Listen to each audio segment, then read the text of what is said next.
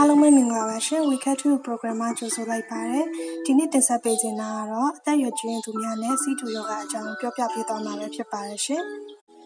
ငယ်ရွယ်သူများနဲ့ရှင်ရင်စီးကျူရှိတဲ့ သက်ကြီးပိုင်း အတော်များများမှာ အခြားနာတာရှည်ယောဂတစ်ခုတော့ အနည်းဆုံးရှိနေတတ်ပါတယ်။နှလုံးသွေးကြောခြင်းသွေးတိုးတူးနာ အစရှိတဲ့ယောဂများနဲ့ တွန့်တွဲရှိနေတတ်ပါတယ်။ယောဂမျိုးစုံကို ကုစားနေရပါက အထူးကုပေါင်းစုံမှာပေးတဲ့ ဆေးအများပြတောက်ရပါတယ်။ဆေးတစ်ခုစီတိုင်းဟာ အခြားဆေးများရဲ့ အလုပ်လုပ်ပုံနဲ့ ခန္ဓာကိုယ်အတွင်း ဆေးအနိတိမြညာကြကြရှိသည့်အပေါ်တက်ရောက်မှုရှိပါတယ်။ဆေးချင်းချင်း တုတ်ပြန်မှုများဖြစ်ပါက အချို့ဆေးတွေရဲ့ သွေးတွင်းပမာဏကို မြင့်စေပြီးအစိတ်တောက်ဖြစ်စေတကယ်တော့အခြားဆေးတွေရဲ့သွေးတွင်းပမာဏကိုနည်းစေက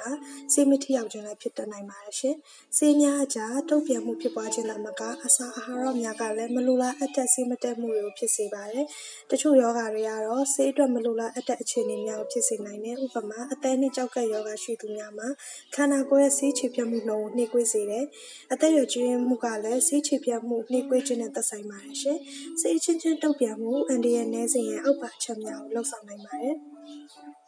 ဆေးတိုင်းအတွက် ရှင်းလင်းတဲ့ညွှန်ကြားချက်ရှိရမယ်။ဆေးပမာဏကျင့်ရေးတောက်ရန်အချိန်ဥပမာအစာနဲ့တွဲတောက်ရန်လို့မလို့အစာမစားခင်တောက်ရန်ပြီးရင်တခြားမြည်သည့်အရေးဖြစ်တောက်ရန်စသဖြင့်ပေါ့နော်။ပြီးရင်ဆေးဆိုင်တစ်ခုတည်းတွင်သာညွှန်ကြားထားတဲ့ဆေးအလုံးကိုယူရပါမယ်။ပြသတဲ့ဆရာဝန်တိုင်းတွေကိုလည်းအခြားဆရာဝန်မှပေးတဲ့ဆေးတွေဆေးပမာဏအပြောင်းလဲဆေးဆိုင်မှာ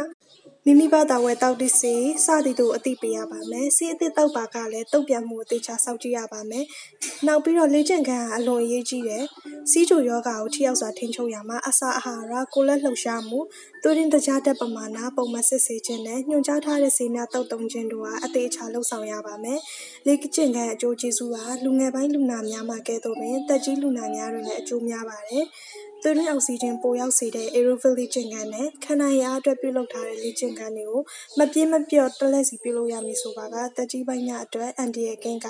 သွေးတွင်းတကြားတက်နစ်ကိုလေးချိန်ထိန်းရတွင်ပုံမလွယ်ကူစေပါတယ်ရှင်။သက်ကြီးပိုင်းများအတွက်ယောဂကျင့်စဉ်ရီကူးကန်တဲ့တွင်လေ့ကျင့်ခန်းလုပ်ခြင်းစပိန်စီခြင်းစပိန်ပေါ်တွင်စပိန်စီရဲ့ဆက်ပေါ်မှာစပိန်စီနေခြင်းနဲ့ထိုင်ကုန်တွင်ပြုလုပ်နိုင်တဲ့လေ့ကျင့်ခန်းတွေကိုဆရာဝန်နဲ့တိုင်ပင်ပြီးလှုပ်ဆောင်နိုင်ပါရှင်။အားလုံးကျေးဇူးတင်ပါတယ်။